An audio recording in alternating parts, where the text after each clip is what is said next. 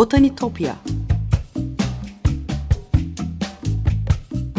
Sesli Doğa Tarihi Müzesi Bitkiler aleminin tuhaf ve muhteşem dünyasını belgeleyen botanik sanatına dair her şey. Hazırlayan ve sunan Benan Kapucu.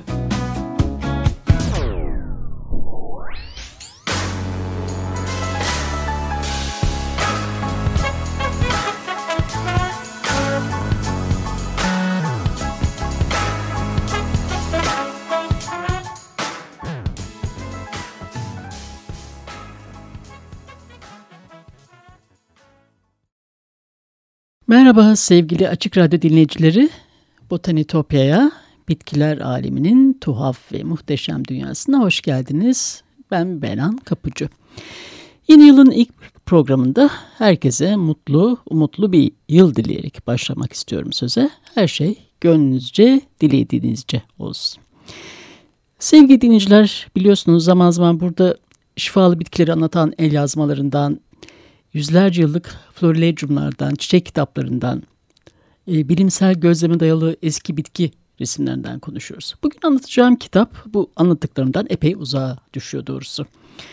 Bilimselliği hayli şüpheli, belki de bu dünyaya bile ait değil. Bilmediğimiz bir florayı, faunayı, insan anatomisini, yapılı çevreyi, mimariyi, tuhaf nesleri anlatan bu gizemli kitaplar e, hala bilmediğimiz bir takım e, bilgiler barındırıyor. Voynich el yazması ve Codex Serafinianus. E, Voynich el yazması Orta Çağ'a ait bir kitap. E, ondan öykünerek tasarlandığı söylenen grotesk figürlerle, sürreel anlatımlarla dolu Codex Serafinianus ise modern zamanların ürünü. Ortak özellikleri bilinmeyen bir alfabeyle, şifreli bir dille yazılmış ve resimlenmiş olması – bu iki kitabın sayfalarını biraz irkiltici diyebileceğim çizimlerini Twitter ve Instagram hesaplarımdan da sizlerle paylaşıyor olacağım. Buradan takip edebilirsiniz. Ee, dünyanın en gizemli kitabı diye adı geçen Voynich el yazması e, tuhaf şemaların ve resimlerin eşlik ettiği karmaşık bilinmeyen bir dilde yazılmış 240 sayfalık şifreli bir metinden oluşuyor. E, kitabın orijinali bugün Yale Üniversitesi'nin Bay Neke nadir kitaplar ve el yazmaları kütüphanesinde korunuyor ama dijital kopyalarına kolayca ücretsiz ulaşabiliyorsunuz.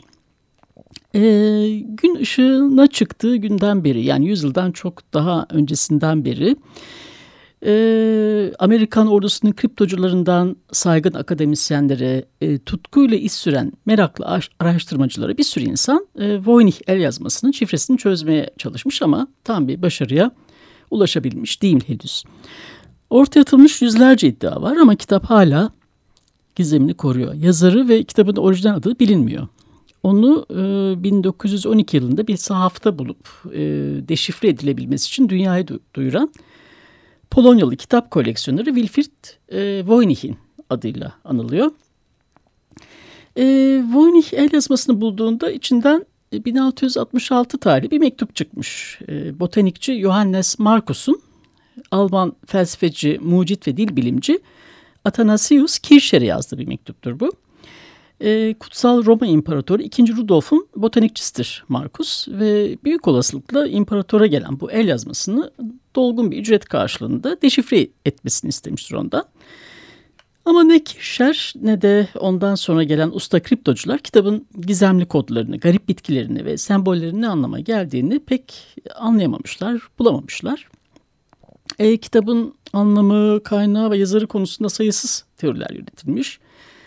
E, kimileri kitabı ancak Leonardo da Vinci gibi e, doğayı gözlemleyen bir dehanın yazmış olabileceğini öne sürmüş. E, kimileri o tuhaf, kargacık, burgacık metinleri ancak otistik bir keşişin yazmış olabileceğini söylemiş. E, meleklerin diliyle yazıldığını hatta e, kaynağının dünya olmadığını iddia edenler bile olmuş e, gerçek bir el yazması olduğuna ikna olmayıp aldatmaca olduğunu, abartılı bir şaka olduğunu düşünenler de var ama fonetik ve dil uzmanları metinde yer alan kelimelerin heceleme sistemine sahip olduğunu, e, şifreli bir metinden beklendiği gibi duraksanarak yazılmadığını ve daha da ilginci bir ahengi olduğunu ortaya koymuşlar. E, kitap beş bölüme ayrılıyor kabaca. E, ilk bölümde bol bol bitki resimleri var. Altlarında da girif okuna, e, girift e, okunamayan bir takım yazılar var. E, bu bölümde yer alan bazı bitkiler tanımlanamamış, hayali olarak çizilmiş gibi görünüyor. Var olan bir bitkiye ait olup olmadığını kestirmek pek mümkün değil. E, çok detaylı çizimler olmadığı için. E, el yazmasının ikinci bölümünde katları açılarak büyüyen sayfalarda onların güneş, ay ve gezegenler olduğunu, e, mevsim döngüsünü ya da hasat zamanını gösterdiğini düşündüren astrolojik ya da astronomik bir takım şekiller var. E, giderek böyle daha da tuhaflaşan üçüncü bölümde de ise böyle yeşil bir nehrin ortasında e, çıplak olarak tasvir edilmiş kadın figürleri var. Ve de o insan figürlerini birleştiren ne olduğunu anlam veremediğimiz bir takım garip bağlantılar, e, damarlar, kollar, e, hangi faunaya ait olduğu belli olmayan e, şüpheli bir takım hayvan resimleri var. E, dördüncü bölüm ise şifalı bitkiler yapılmış e, bir takım reçeteler ayrılmış olduğu sanılıyor. E, beşinci bölümde yine böyle kısa kısa anlatımlar var. Yani özet ya da indekse benzeyen bir bölüm olsa gerek. E, Voynich üzerine uzun zamandır çalışan Medieval e, Academy of America'nın yöneticisi Liza Davis e, geçtiğimiz Haziran ayında CNN'e verdiği röportajında karbon testleri yapılana dek kitabın 13. yüzyıla e, o dönemin gizemli karakteri, simyacısı, büyücüsü Roger Bacon'a ait olduğu sanıldığını söylüyor. E, 2011'de yapılan karbon testleri ve mürekkep analizinden sonra parşömenlerin 15. yüzyıl başlarına hatta e, daha kesin olarak 1404 ile 1438 yılları arasında ait olduğu saptanmış. E, o tarihten sonra 250 yıl boyunca ortadan kaybolmuş kitap. E, belli ki bütün Avrupa'ya dönüp dolaştıktan sonra bir şekilde Voynich'e kitap koleksiyoneri, e, koleksiyoneri Voynich'e ulaşmış. E, Voynich kitabı nasıl elde ettiğine dair hiçbir bilgi vermemiş e, yaşarken ama ölümden sonra karısı onun kitabı Roma dışında bir sahaftan, e, Cizvitlerden satın aldığını söylemiş. E, bu tarihlendirme kitabın ne Bacon'a ne Da Vinci'ye ne de Voynich'in kendisine ait olmadığını net bir şekilde ortaya koyuyor. Ama tabii gizem perdesi hala aralanmış değil. Davis şifreyi çözme işini saplantı haline getirip bu uğurda varını yoğunu ailesini kaybeden insanlar olduğunu da anlatıyor e, röportajında. Tabii son zamanlarda bir takım haberler de çıkıyor. Siz de belki takip ediyorsunuzdur. El yazmasını Ruslar çözdü. Yapay zeka ile Voynich'in sırrı çözüldü. Gizemli dil aslında antik bir Türkçe gibi gibi haberler çıkıp duruyor. Ee, yeni haber olan iddialardan biri Kanada Alberta Üniversitesi'nde çalışan bilgisayar bilimcilerine ait. Ee, geliştirdikleri yapay zekanın kitabın 600 yıllık gizemini çözmeyi başardığını söylüyor araştırmacılar. Ee, algoritmik deşifre denen bir teknik kullanarak el yazmasındaki bölümleri tercüme ettiklerini söylüyorlar. Ee, algoritmalarını insan hakları evrensel bildirgesini 380 farklı çevirisi üzerinde test etmişler. Ee, daha sonra orijinal nüshaları %97 oranında doğru bir şekilde çözmeyi başardıklarını iddia ediyorlar. Ee, şifrelemenin alfabetik olarak sıralanan sözcüklerdeki harflerin belli bir kurala göre karıştırılarak tekrar dizildiği, e, içinde sesli harflerin olmadığı e, bir tür anagram e, olabileceği görüşüne varmışlar. Karşılaştırmalı dil bilimleri uzmanı olan e, Greg Kondrak, e, The Canadian Press'e verdiği demeçte şöyle diyor. E, sözcüklerin %80'den fazlasının İbranice sözcüklerde olduğu ortaya çıktı. Fakat bu kelimelerin bir araya geldiklerinde bir anlam ifade edeceklerini bilmiyorduk diyor. E, çeşitli bitki türlerini içeren Voynich el yazmasının bitkiler bölümünün ilk kısmında çiftçi, ışık, hava ve ateş gibi botanikle ilgili birçok terim bulunduğunu da e, ekliyor.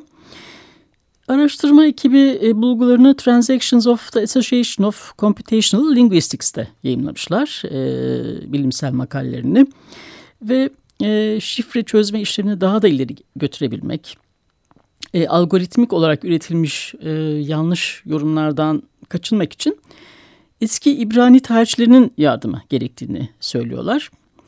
Ve e, çok iyi İbranicisi olup e, aynı zamanda tarihçi olan bir kişinin ancak bu kanıtı değerlendirip bir ipucu izleyebileceğini e, ve bu metinleri yakından inceleyerek mesajın ne olduğunu e, çözebileceğini söylüyorlar.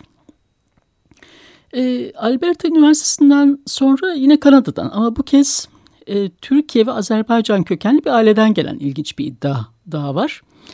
E, uzun yıllar dil bilimi üzerinde çalışan e, elektrik mühendisi Ahmet Ardıç, iki oğlu Ozan ve Alp ile birlikte 2018'in Şubat ayında kendi teorilerini anlatan bir video yayınladı.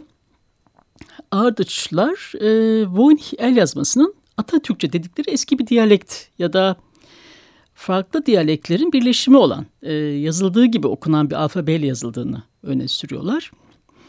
E, oğul Ozan Ardıç videoda e, 300 kelimeyi deşifre ettiklerini ve el yazmasının %30'unu anlamak için bunu yeterli olabileceğini anlatıyor.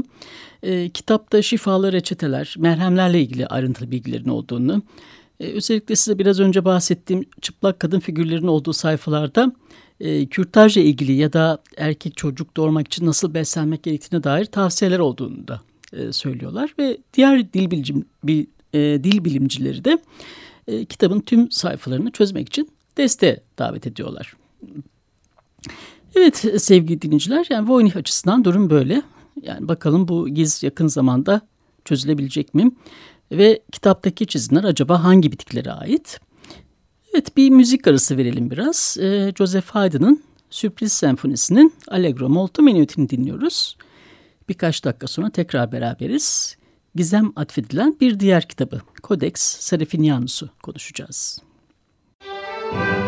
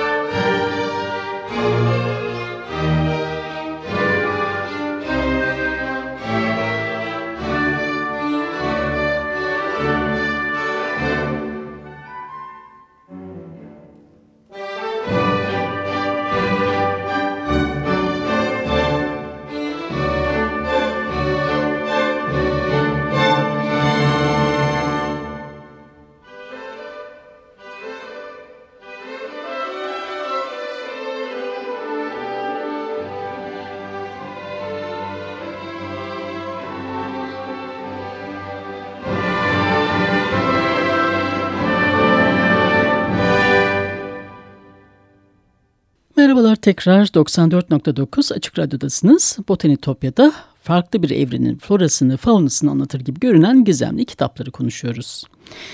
Evet, bahsedeceğim ikinci kitap modern zamanlara ait demiştim. E, Voynich el yazmasından öykünerek tasarlandığı söylenen Codex Serafinianus. E, İtalyan tasarımcı Luigi Serafini'ye ait.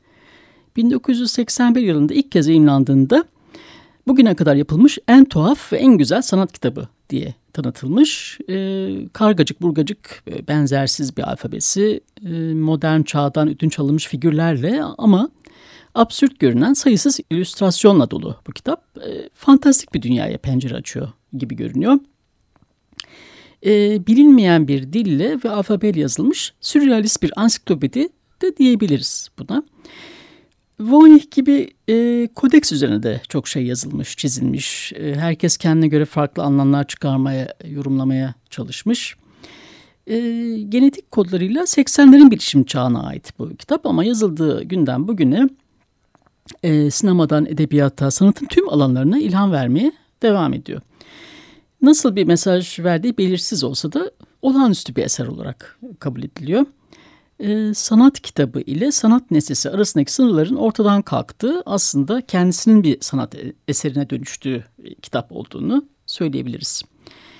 E, yeni medyaların ve iletişim biçimlerinin e, baş döndürücü hızına rağmen bugün Kodeks hala her zamankinden güncel ve tam da aslında yaşadığımız zamanla ilgili bir kitap. E, kimileri bugün e, ne dek yayınlanmış en tuhaf kitap olduğunu, e, rahatsız edici ve sürreal imgelerle iğneleyici bir anlatıma sahip olduğunu düşünüyor. E, grotesk bir anlatımı var e, kitabın. E, 1970'lerde yarattığı bu kitabın e, genişletilmiş baskısı 2013 yılında Rizzoli tarafından e, yayınlanmış. E, kapağındaki övgü yazısı e, Kodex'in mesajları şifrelemenin e, ve şifreleri çözmenin giderek önem kazandığı bilişim çağının kitabı olduğunu ve bulunduğu zaman ötesinde yaratıcı bir bakış açısı sunduğunu söylüyor ve e, eğer Serafini 1970'lerin bilgi çağından etkilenip bu kitabı yarattıysa acaba Facebook'un, Twitter'ın, Instagram'ın ve Google'ın olduğu bugünün dünyasında e, nasıl bir kodeks yaratırdı diye soruyor. E, kodeksin ilk cildi doğa bilimlerine ayrılmış. E, doğa bilimleri sırasıyla botanik, zooloji, yer bilimleri, e, kimya, fizik ve mekaniğe ayrılmış bölümlerden oluşuyor. İkinci cilt ise insan bilimlerine ayrılmış. Anatomi, etnoloji, antropoloji, mitoloji, dil bilim, gastronomi, oyunlar, moda, mimarlık ve şehircilik gibi birçok konu var e, e, bu bölümlerde. E, bugünün dünyasına ait unsurlar da görünüyor ama sürreal bir anlatım e, var çoğunlukla. Yani bitkilerle e, bitkileri çizerken aklından neler geçmiş de merak, merak ediyor insan doğrusu. E, tuhaf bitkiler var. İşte örümcek ağından taç yaprakları, yumru gövdeden çiçeklenenler, kor gibi ateş saçan bitkiler, elma, kiraz, muz ve ananas hibritleri, havuç kökleri e, olan ikizgüller, e, topraktan ayrılıp denize doğru yüzen ağaçlar, e, saksıda büyüyen ağaç dallarından boynuzlar olan geyikler. Oldukça tuhaf, e, grotesk, irkiltici, rahatsız edici hatta başka bir dünya yani dünya dışı varlıklara aitmiş gibi görünen illüstrasyonlar var kitapta. Ee, içinde ilaç kap kapsüllerin olduğu soyulmuş bir muz, bir eli e, dolma kaleme dönüşmüş patenli bir e, adam. E, sineklerle kaplanmış tuhaf bir araba. E, iki ayaklı, insan bacaklı nesneler. E, 1970'lerde bile absürt sayılabilecek bir giyim, giyim kuşam stili var ayrıca. Tabii bütün bu görselleri ben e, Twitter'dan size paylaşmaya çalışacağım. E, oradan da inceleyebilirsiniz. E, Voynich el yazması gibi bu kitabın da şifresini çözmeye çalışanlar arkasında gizem e, arayanlar, anlamını çözmeye çalışanlar olmuş. E, Serafini kodeksi yaptıktan 30 yıl kadar sonra 2009'da Oxford'da e, kitap severler için yaptığı bir konuşmada e, kitabının açık ya da gizli hiçbir dili denk gelmediğini, tümden uydurma olduğunu beyan etmiş. E, tabii bu beyan e, kriptoloji uzmanlarının ve matematikçilerin e, ökültizmden ufoculuğa her türden gizemciliğe e, bir tür bilimum ilgi alanlarını aslında e, boşuna meşgul etmiş. E, oysa e, yaratıcı bir zihnin, e, sanat ve hayal gücünün ürünü benzeri olmayan sürrealist bir ansiklopedi o kadar. E, sürrealizm ile ona karşı olan ansiklopediyi birleştiren bir oksimoron olduğunu da söyleyebiliriz rahatlıkla. Görsellerinden ötürü e, külte dönüşmüş. Bir anlamda Borges'in e, düşsel karakterlerine, e, Italo Calvino'nun Efsunlu masallarına ait gibi görünüyor. Bruegel'in alegorik manzaraları, Escher'in imkansız perspektifleri ve mimarisinin de aslında bu ansiklopedinin görsel ataları olduğunu söyleyebiliriz rahatlıkla. E, Luigi Serafini'ye neden bu kitabı tasarladığını sorduklarında e, kodekse başlamayı önceden planlamadım diyor. Öylece aniden ilhamın geldiğini söylüyor. E, buna rağmen tesadüf eseri de değil. Bir olay ona sebep olan arkasına yatan nedeni saklar. Bu nedenin ne olduğunu bilmiyorum. Sonradan kimi hipotezler geliştirmiş olsam da. Anımsadığım kadarıyla bir noktada kodeks belirdi. 1976'nın Eylül ayıydı. Bir ay öncesinden bile bunu hayal edemezdim diye anlatıyor. E, Luigi Serafini e, 1976 ile 78 yıllar arasında Roma'da küçük bir apartman dairesine e, taşınmış ve iki yıldan uzun bir süre e, bu daireye kapanarak yazmış kitabı. Onun ifadesiyle beyaz bir kedinin çıka, çıka gelip kitabın yapımına eşlik etmesiyle başyapıtını e, yapıtını yazmaya koyulmuş. O zaman henüz 27'sinde genç bir mimardır Sarifini. E, Kodeks kitabının nasıl doğduğunu anlatırken şöyle diyor. O günü ve olayı çok net hatırlıyorum diyor. Pino Koryas ile yaptığı bir söyleşisinde. E, bir arkadaşım beni aradı ve beni sinemaya götürmek için alacağını söyledi. Ben de sebebini bilmeden şöyle dedim. Hayır evde kalacağım. Bir ansiklopedi yapmam lazım. Telefonu kapattığımda gerçekten çizmeye başladım. Bir adamla başladı, sonra bir tornavida, bir yaprak, bir alet. Sonra satırlar boyunca hayali başlıklar yazdım otomatik bir biçimde. Dans eden işaretler, duraklar, levhadan levhaya geçtim. Tek bir gün ara vermeden haftalar, aylarca boyunca. Ee, Kodex'in Voynich e, el yazmasından ilham aldığı söylene geliyor ama İkisinin de bilinmeyen bir dille yazılmış olması ve dünya dışı gibi algılamasının dışında pek bir ortak payda yok. E, Serafini röportajın devamında e, Voynich el yazmasından da bahsediyor. E, ona göre insanlığın büyük gizlerinden birisi olan bu kitap bir uydurmacıdan ibaret. Şöyle diyor, Kutsal Roma İmparatoru 2. Rudolf antik el, el yazmalarına hayrandı. Birisi ona yaklaşıp kulağına Voynich'in orijinal olduğunu fısıldayıverdi. Uydurma dil yaratmak hiç de yeni bir fikir değil diyor. E, kendisinin uydurma dilinde e, yazılmış kitabı Kodex'e gelince hiçbir zaman kitabın bir anlamı olduğunu söylemedim. Sadece bir oyundan ibaret. Dostlarımla iletişim kuruyorum. Babaların aksine savaşlarda birbirlerini öldürmektense iletişim kurup anlaşmayı arzulayan bir neslin ürünü diye anlatıyor. Serifini kitabının bir anlamı olmadığını söylese de öte yandan Kodex'in hayranları 1981 yılından beri kitabın bir şey ifade etmesi zorunluluğuna inanmayı da sürdürüyor. Ee, öte yandan Voynich el yazmasının şifresi ise çözülmeye yakın görünüyor. Evet sevgili dinleyiciler bugün dünya dışına aitmiş gibi görünen öyle sanılan iki gizemli kitaptan dem vurduk. Botanitopya'daki keşif yolculuğumuz bu haftada buraya kadar.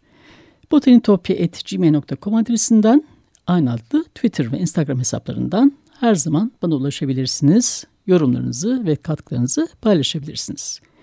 Bir daha görüşünceye dek sevgiyle ve doğayla kalın.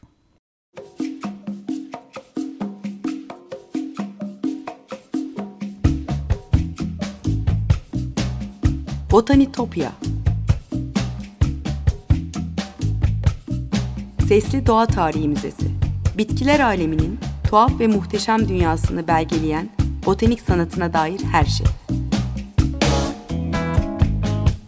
Hazırlayan ve sunan Benan Kapucu.